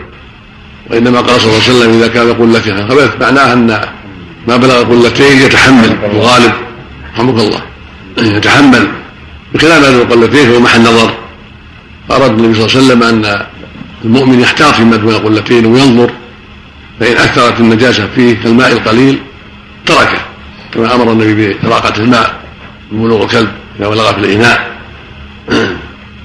وأن لم تؤثر النجاسة فيه فالأصل الطهارة لقوله صلى الله عليه وسلم إنما الماء إن الماء إن الماء طهور لا ينجسه شيء. وهذا هو الأصل في المياه. لكن ما دون القلتين هو محل النظر. ومحل العناية لأنه يتحمل النجاسه فينبغي فيه النظر وإذا استغنى عنه واحتاط فلا بأس لكن الأصل عدم النجاسه إلا بوجود نجاسة تغيره كما هو من مالك وأهل المدينة وجمع من أهل العلم رحمة الله عليه وهو اختيار شيخ الإسلام ابن تيمية وابن القيم وآخرين من أهل العلم يقولون بهذا إن الماء هو الأصل فيه الطهارة الأصل فيه الطهارة فما زال لم يتغير فالطهاره باقية لكن إذا كان قليل في الاواني معتادة الصيد إذا وقع فيه النجاسة ولم تغيره كونه الكلب ووقوع شيء يسير من النجاسة فإنه يراق لأن الغالب أنه يؤثر في الأواني وما أشبهها بخلاف الكثير الذي حول القلتين أو ينقص عنها قليلا أو نصف القلتين فإن هذا في الغالب يكون يتحمل بعض الشيء. والحديث وحديث الذرة يدل على حديث أبي قتادة الذرة يدل على طهارتها وأنها طهارة طاهرة لا يمنع ما حصل منها من ماء أو طعام فالأصل الطهارة. ولهذا قال عليه الصلاة والسلام إنها من الطوافين عليكم والطوافات. هذا من رحمة الله عز وجل لأن يبتلى بها الناس. وهكذا الحمر والبغال. على الصحيح من أقوال العلم حكمها حكم الهرة. لأن الناس يحتاجون إليها ويطوف وتطوف بهم وفي أماكنهم فسؤرها وعرقها طاهر. وهكذا الإناء اللي شربت منه شرب من البغل أو الحمار. كالهرة وهكذا عرق الظهر إذا ركبه عاريا عارق أصل فيه الطهارة. كان النبي صلى الله عليه وسلم يركب الحمر والبغال ركبها الصحابة ولم يحفظ عنهم أنهم توقوا عرقها. فدل ذلك على أنها في حكم الطاهرات كالهرة. وأما حديث الكلب فهو يدل على نجاسته وأن بلوغه ينجس إذا كان في الإناء فإنه يراق. ويغسل سبع مرات أولاهن بالتراب هذا هو الأصل. والكلب له هذه الخصوصية. والحق بعضهم به الخنزير لخبثه ونجاسته. والأصل اختصاص هذا بالكلب هذا هو الأصل. فإنه يغسل الإناء منه سبع مرات. أولاهن بالتراب وإن جعل التراب في غير الأولى فلا بأس. وفي حديث عبد الله المغفى قال واعثره الثامنة فقال الجمهور إن المراد يعني إنها ثامنة باعتبار استقلالها وهي إحدى السبع هذا هو الصواب. سماها ثامنة لأنها كغسلة مستقلة للتنقيه وإزالة الأذى.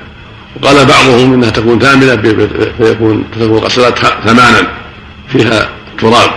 والأظهر الأول وان المراد بذلك أنها غسلة ثامنة بالنظر إلى انفراد التراب وبالنظر إلى الغسلات فهي سبع كما جاءت في الأحاديث الصحيحة عن أبي هريرة وعن غير أبي هريرة من أحد الصحابة.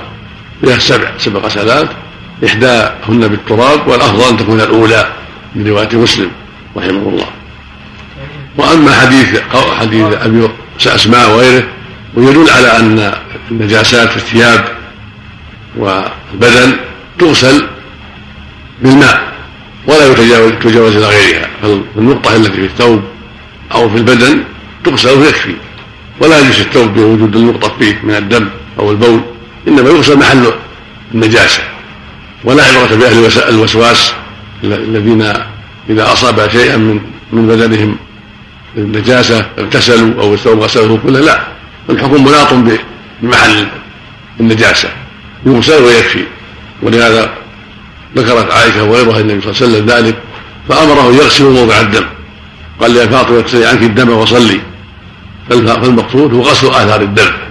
قال لأسماء بنت أبي بكر أن يكفي أن تحكه ثم تقرضه ثم تنضحه بالماء. فعليها أن تحكه بالعظم أو بعود أو بظهرها ثم تغسل محله ويكفي ذلك والحمد لله. ثم بين أنه إذا لم يذهب الأثر كفى الماء ولو قدر أن بقي له أثر صورة صفرة أو نحوها فإنه لا يضر. ما دام وصل الغسل المطلوب فلا بأس. وإن كان الحديث في سنده ضعف لكن هذا هو الصواب. وإذا غيرته بشيء من زعفران أو طيب كان ذلك أحسن لبقاء الأثر الذي في الثوب ونحوه. والله أعلم. سم. استشهاد المؤلف استنباط طهارة السترة. نعم. استنباط المؤلف طهارة السترة شرط الصلاة. من حديث أسماء من حديث أسماء ثم صلي فيه. ثم تغسله ثم تصلي فيه. فدل على أن لا تصلي فيه ما دام فيه النجاسة لا بد من طهارة السترة.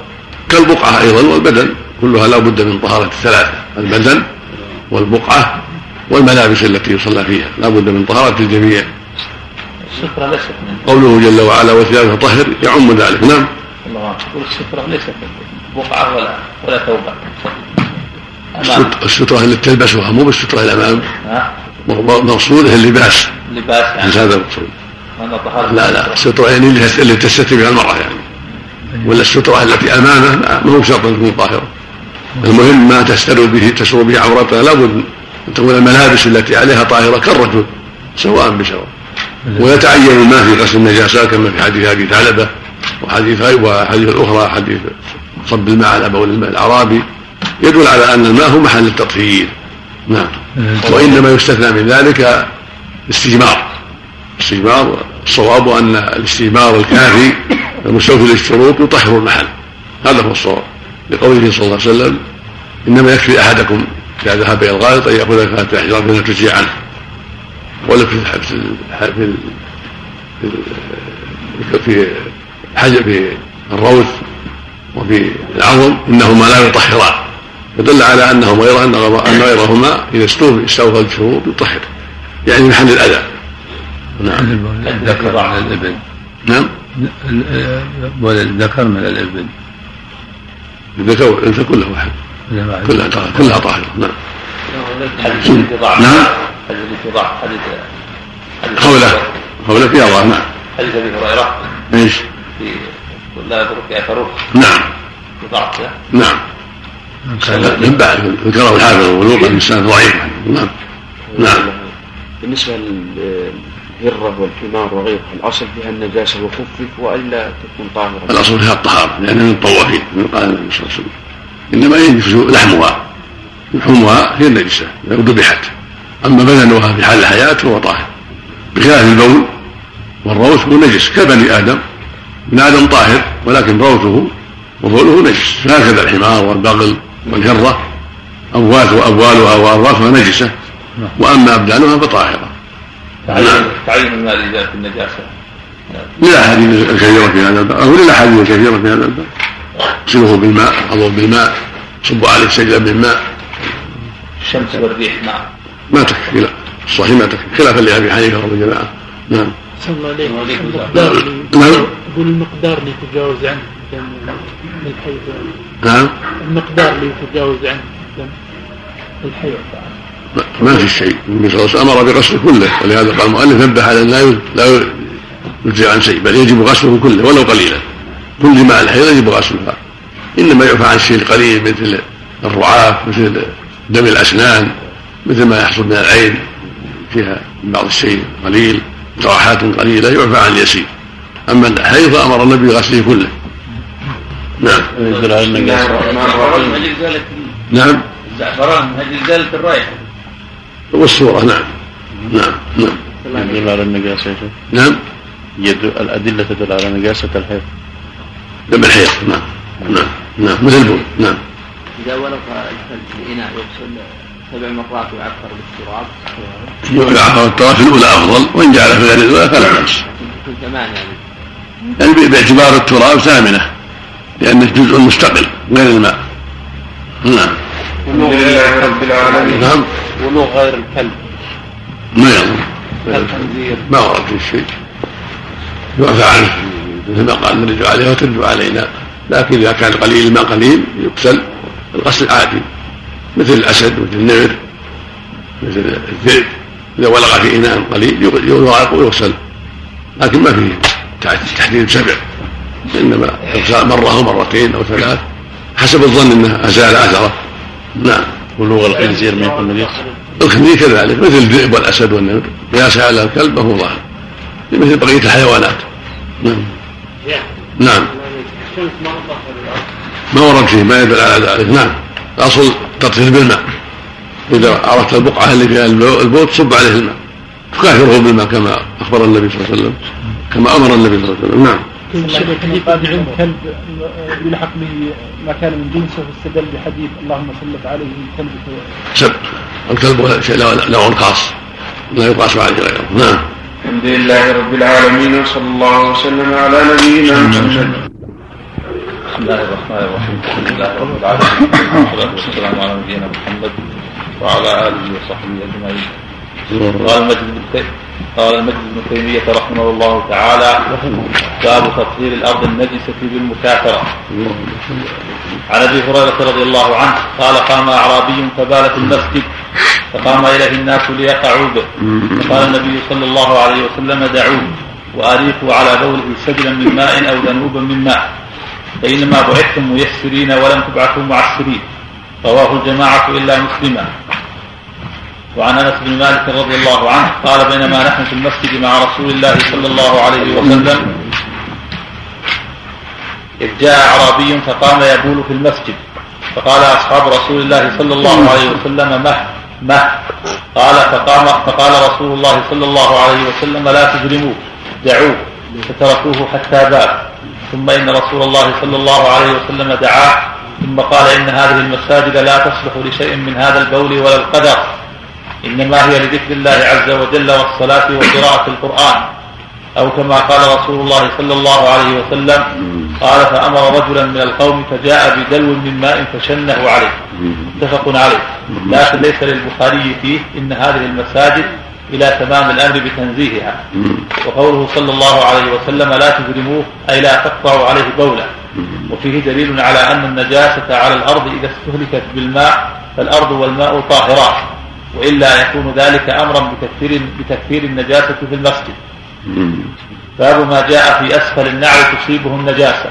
عن أبي هريرة رضي الله عنه أن رسول الله صلى الله عليه وسلم قال إذا وطئ أحدكم بنعله الأذى فإن التراب له طهور.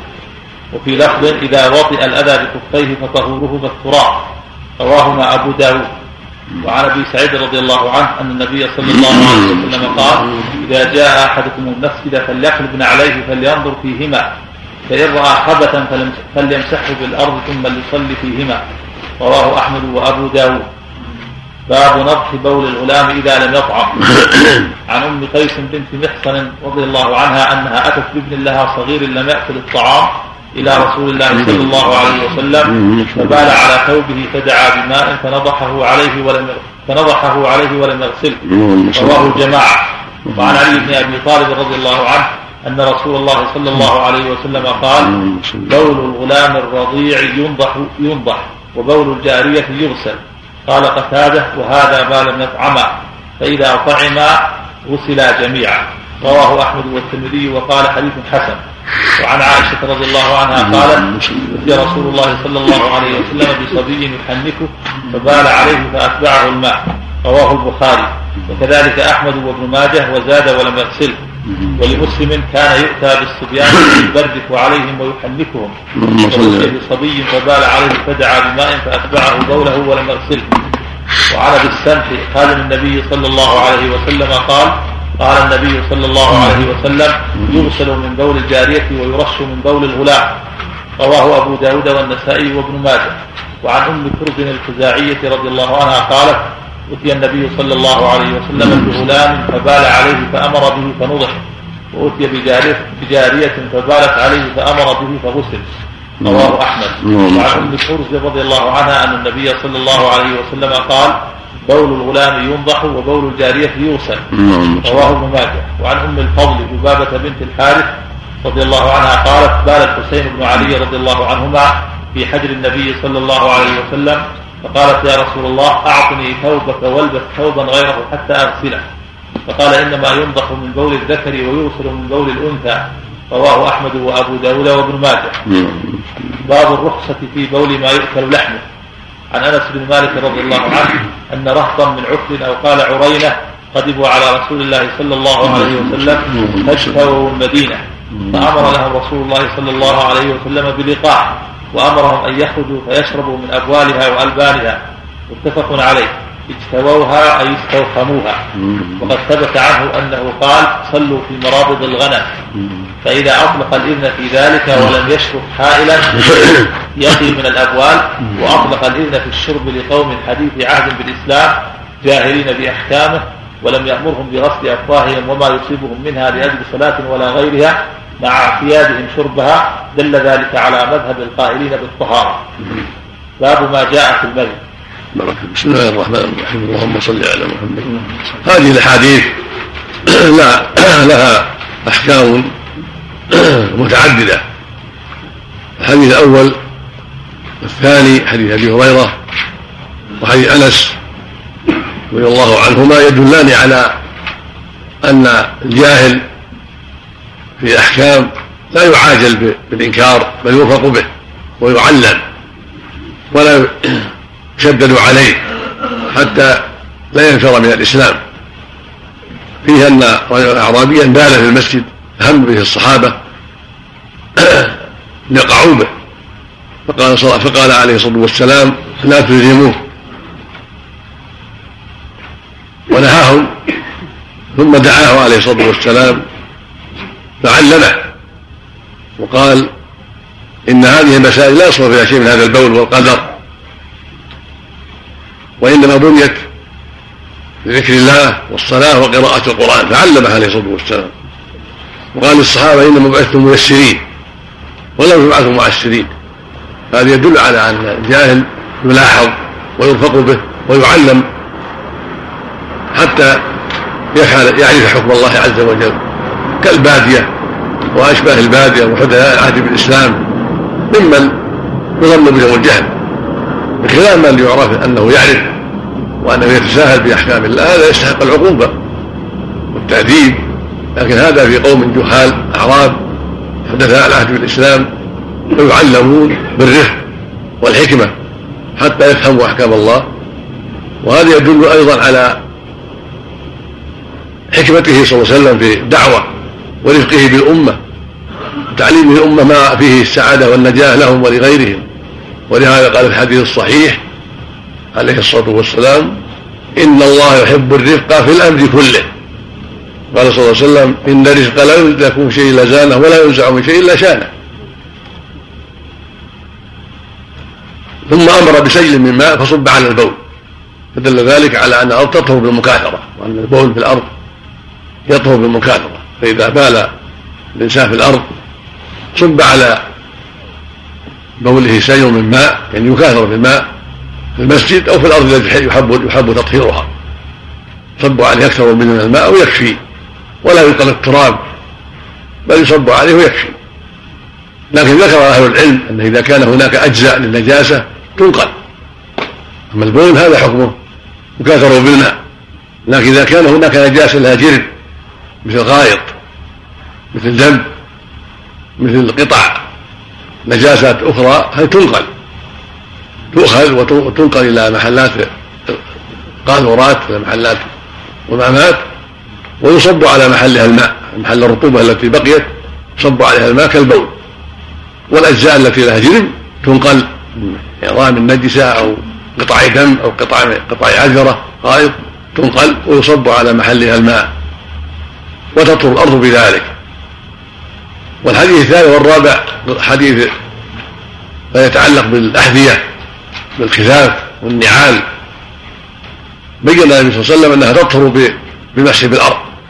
وأن إذا أصابت النجاسة تطهر بمسح إذا دلكها بالأرض وأزال ما فيها من الأرض من, من أثر بول أو أثر نجاسة أخرى إذا أزالها بالتراب أو باللبن أو حكها بشيء حتى يزول كفى ذلك.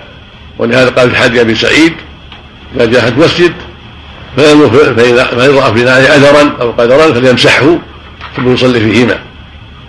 طهورهما التراب.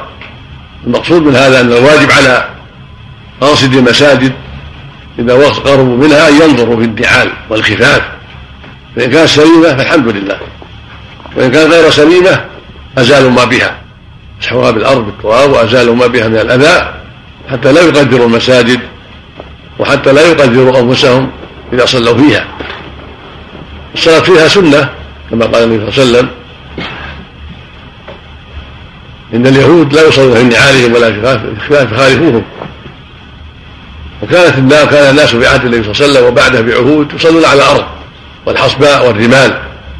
أما اليوم فقد فرشت المساجد صار فيها هو تتأثر بالأحذية. وربما تقدروها على الناس وربما تؤثر الناس من الصلاة في الجماعة.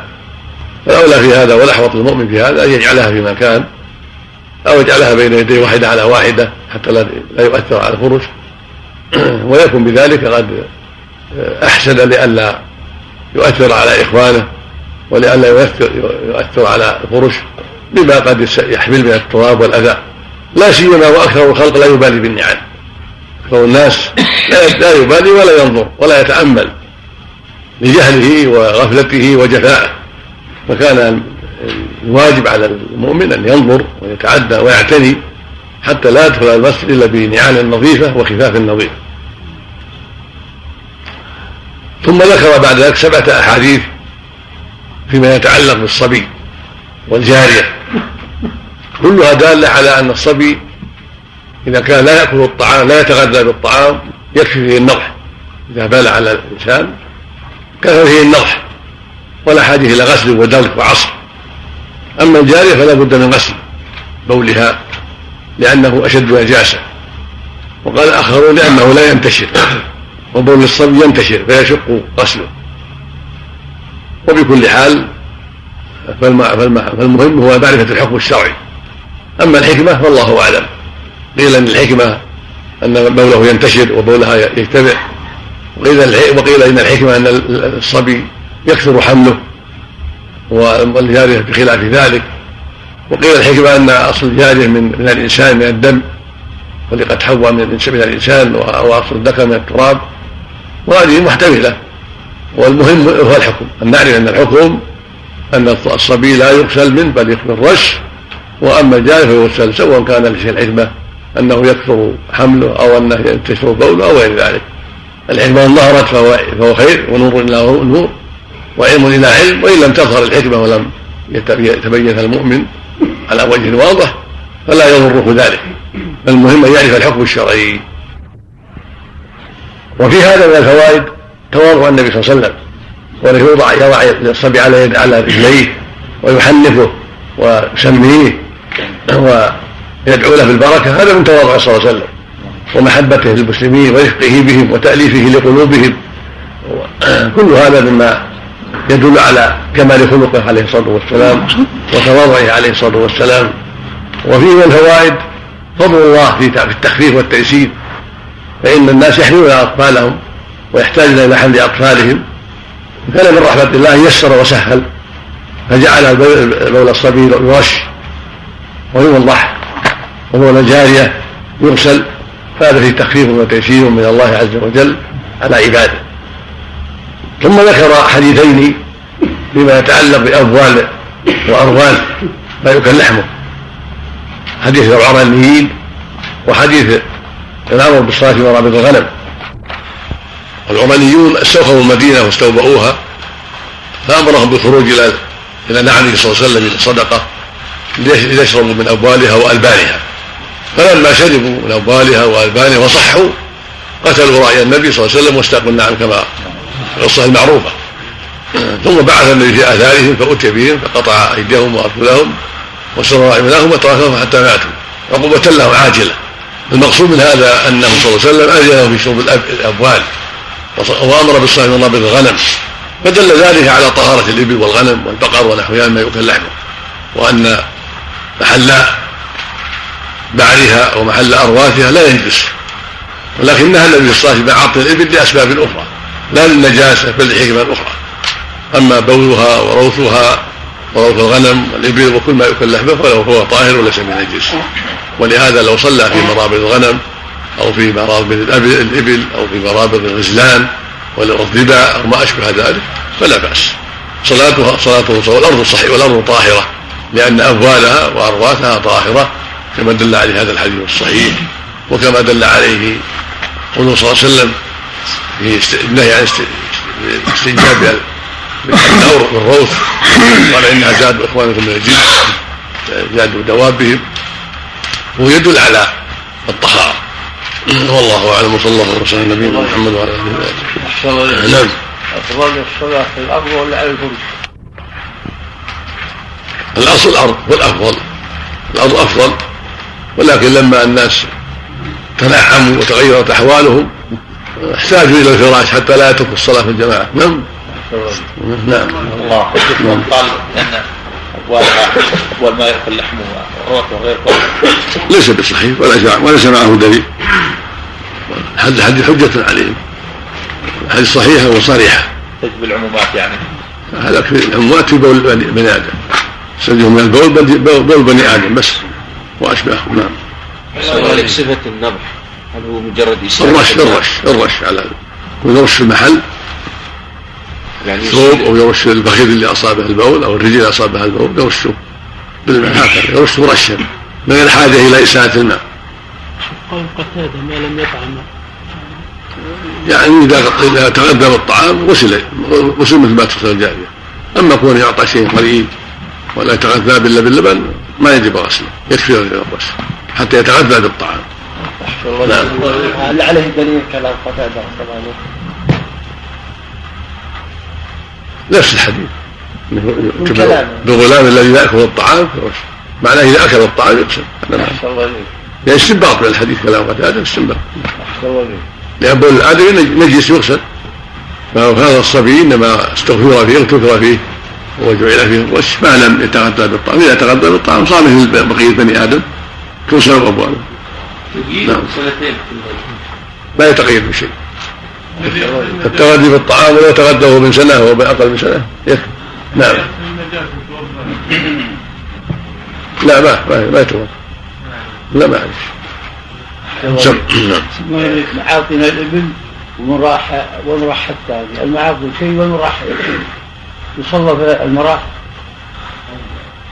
كثير من العلم يرون المراح من المعاطن معاطنها ما تقف عند بدل الماء إذا شربت وقفت حول الماء وعطنت قال هذه يسمى معاطن وألحق بها بعض أهل العلم ما تكون فيه تملح فيه وتقيم فيه. وأنه يسمى معطن لأن توزر فيه وتقيم فيه. نعم. هو من جنس المعطن اللي عند الماء. فلا ينبغي الصلاة لا في مراحها ولا في معاطنها عند الماء. نعم. الله عنك وأمرهم يقول أن يخرجوا فيشربوا من ابوالها والبانها كيف هذا؟ وش فيه؟ للدواء. لأن البول طيب والابل ينفع نعم. غسل. وقع على نعم البول إذا كان يشرب من الماء اللي صب عليه مساوي له أو أكثر. لابد يكاثر أكثر من الماء يكون أكثر من البول. نعم. نعم. الشرب أبلغ.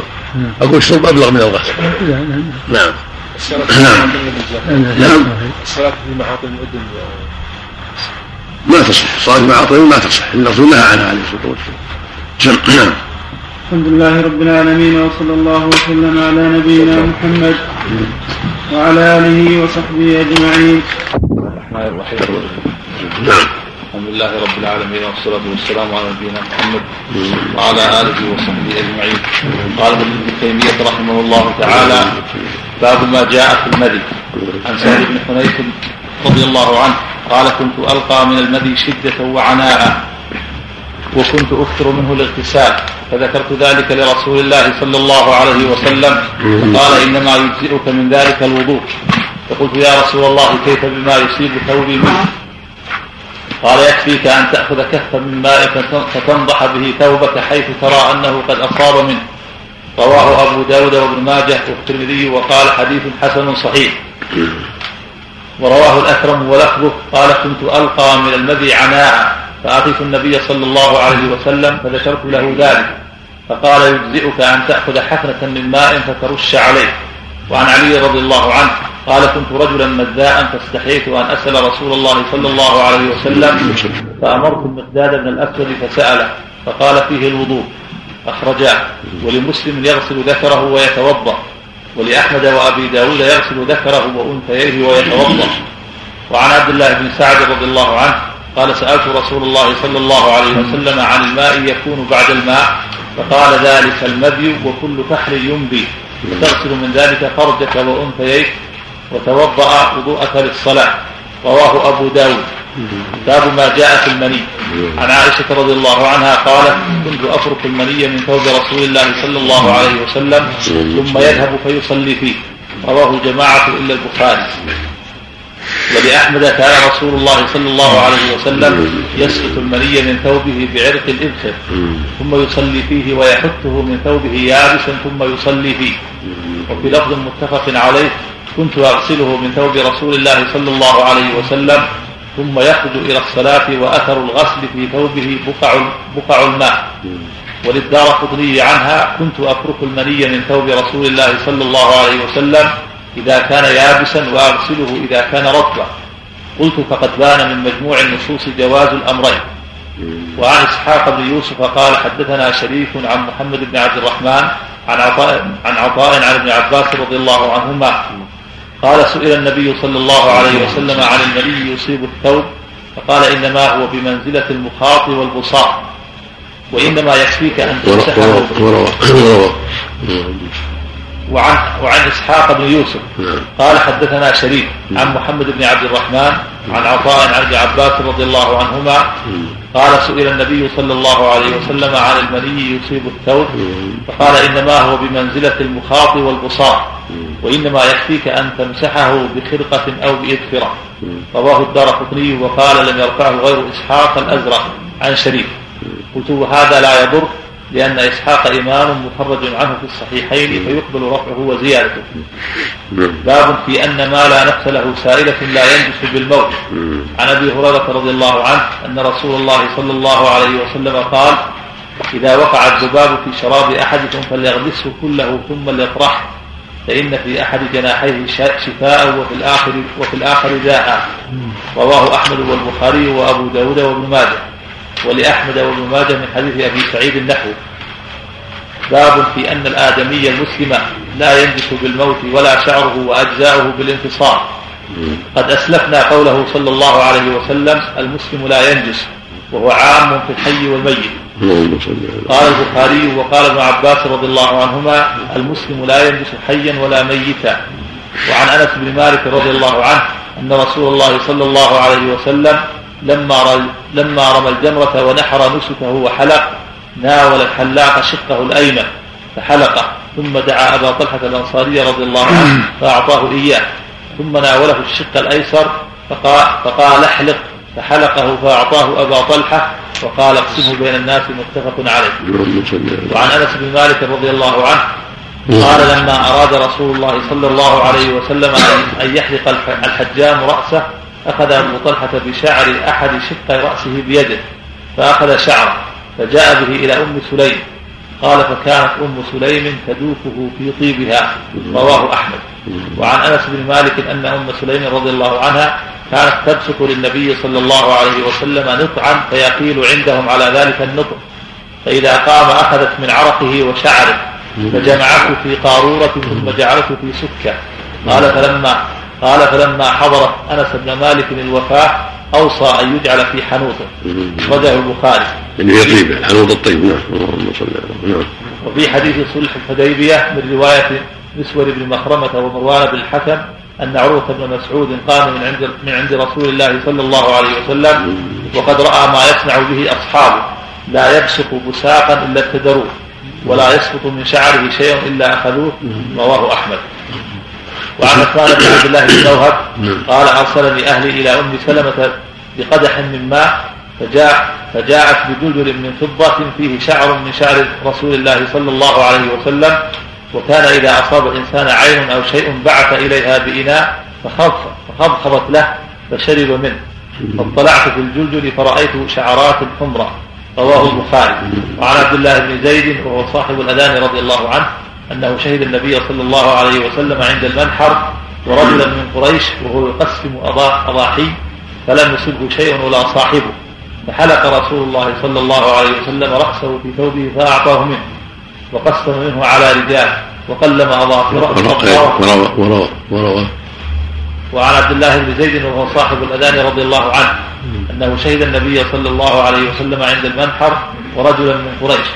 وهو يقسم أضاحية فلم يصبه شيء ولا صاحبه فحلق صلى الله عليه وسلم رأسه في ثوبه فأعطاه منه وقسم منه على رجال وقلم أظفاره فأعطاه صاحبه. قال وإن شعر وقال وإن شعره عندنا لمخضوب لمخضوب بالحناء والكتم. رواه أحمد.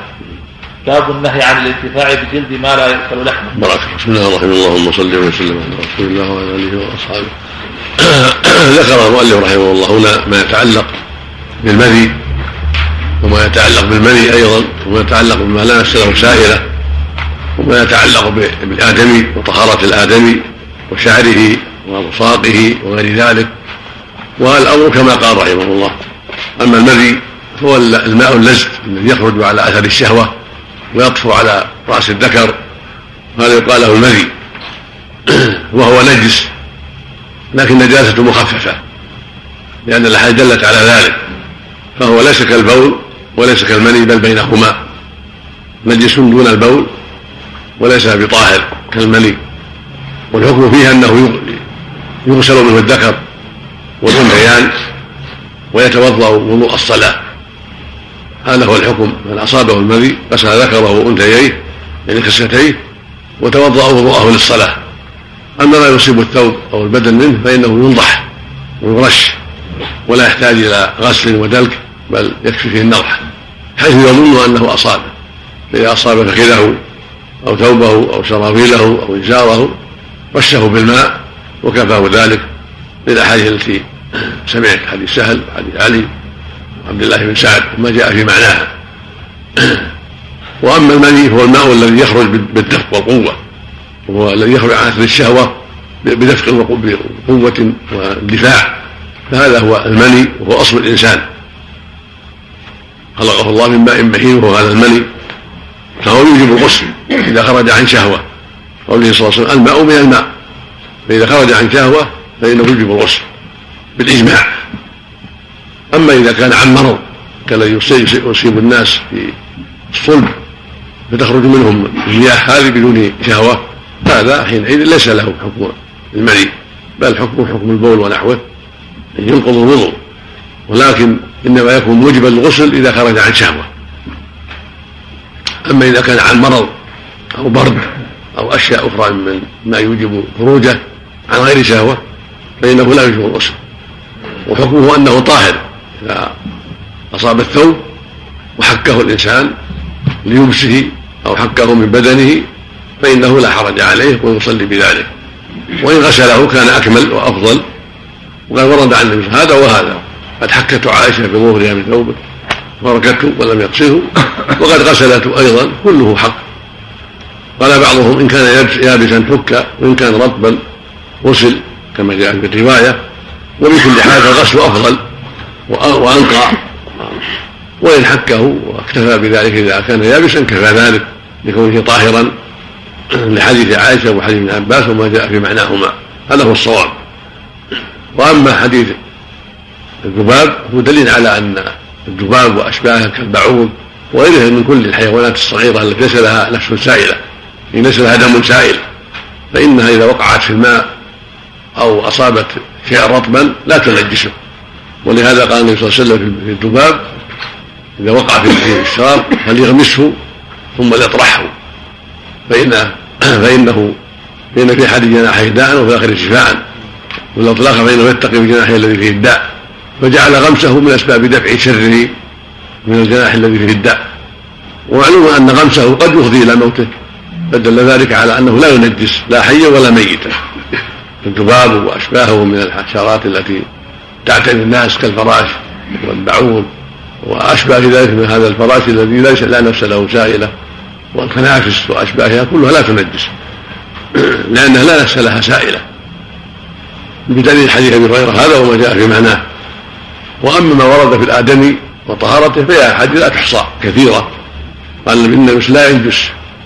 دل ذلك على أن المسلم ظاهر وهكذا بنو آدم حكمه الطهارة. خلقوا من ماء طيب من ماء طاهر وهو المني وأصلهم من التراب والتراب طاهر. فبنو آدم أصلهم الطهارة. فلا يلبسون ولهذا النبي صلى الله عليه وسلم أعطى الناس شعرة ومعلوم أنهم يجعلون في طيبهم وفي غير ذلك وكان الصحابة يأخذون بصاقه ونخامته وعرقه فيتبركون بذلك فلو كان نجسا لما أقرهم عليه. والناس يتأسون به في ذلك من جهة الطهارة لأنه بشر فاذا كان منه طاهرا فهو كذلك من بني آدم طاهر لأنه لم يقل إن هذا خاص بي من جهه الطهارة. أما التبرك فهذا خاص به صلى الله عليه وسلم. لا يجوز التبرك بشعر الناس أو بضيق الناس أو بعرق الناس. هذا خاص به عليه الصلاة والسلام. ولهذا لم يفعله الصحابة مع الصديق ولا مع عمر ولا مع عثمان ولا مع علي ولا مع غيرهم. بل هذا لما جعل الله فيه من البركة عليه الصلاة والسلام.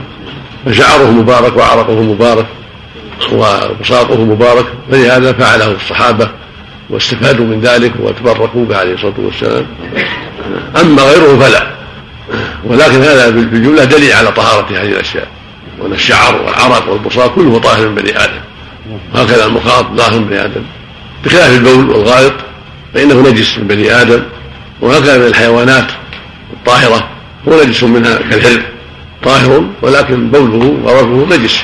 هكذا البغل والحمار بوله وروثه نجس. فابن آدم كذلك محرم الأكل وبوله نجس وغيطه نجس. لكن عرقه في الحياة طاهر وبدنه طاهر وشعره طاهر في الحياة ما دام حيا وهكذا بعد الوفاة من جهة بدنه. وأما ما يتعلق بغوثه ابن آدم وغائطه وبوله فهو, كسائر الحيوانات الأخرى المحرمة الأكل نجس. وفق الله الجميع صلى الله وسلم على محمد وعلى نعم. قوله هنا باب بأن الآدمي المسلم لا يجوز. هل هذا القصد المسلم أو هذا قصد من أجل الحديث أن المسلم لا يجوز ولكن الحكم عام. الحكم عام في بني آدم كلهم. نعم. نجس. مثل مثل البول. نعم. المني إذا خرج من غير شهوة. إذا خرج لأجل المرض يكون الحكم حكم العبال ما يكون حكم حكم المني الذي فأقروا فيه أنه حكم حكم سائر الفضولات يخرج من الإنسان. توجب الوضوء. ما بين الوضوء. نعم. نعم. الله عنك يا شيخ. زيادة غسل الأنثيين من المدي صحيحة نعم. زيادة غسل الأنثيين نعم نعم نعم. جاءت من عدة طرق نعم. نعم. الودي تبع البول. يخرج يخرج بعد البول. ما هو الأبيض تبع البول. نجس. شيخ عن المشركون نعم. إنما المشركون نجسون هذا من جهه الاعتقاد يعني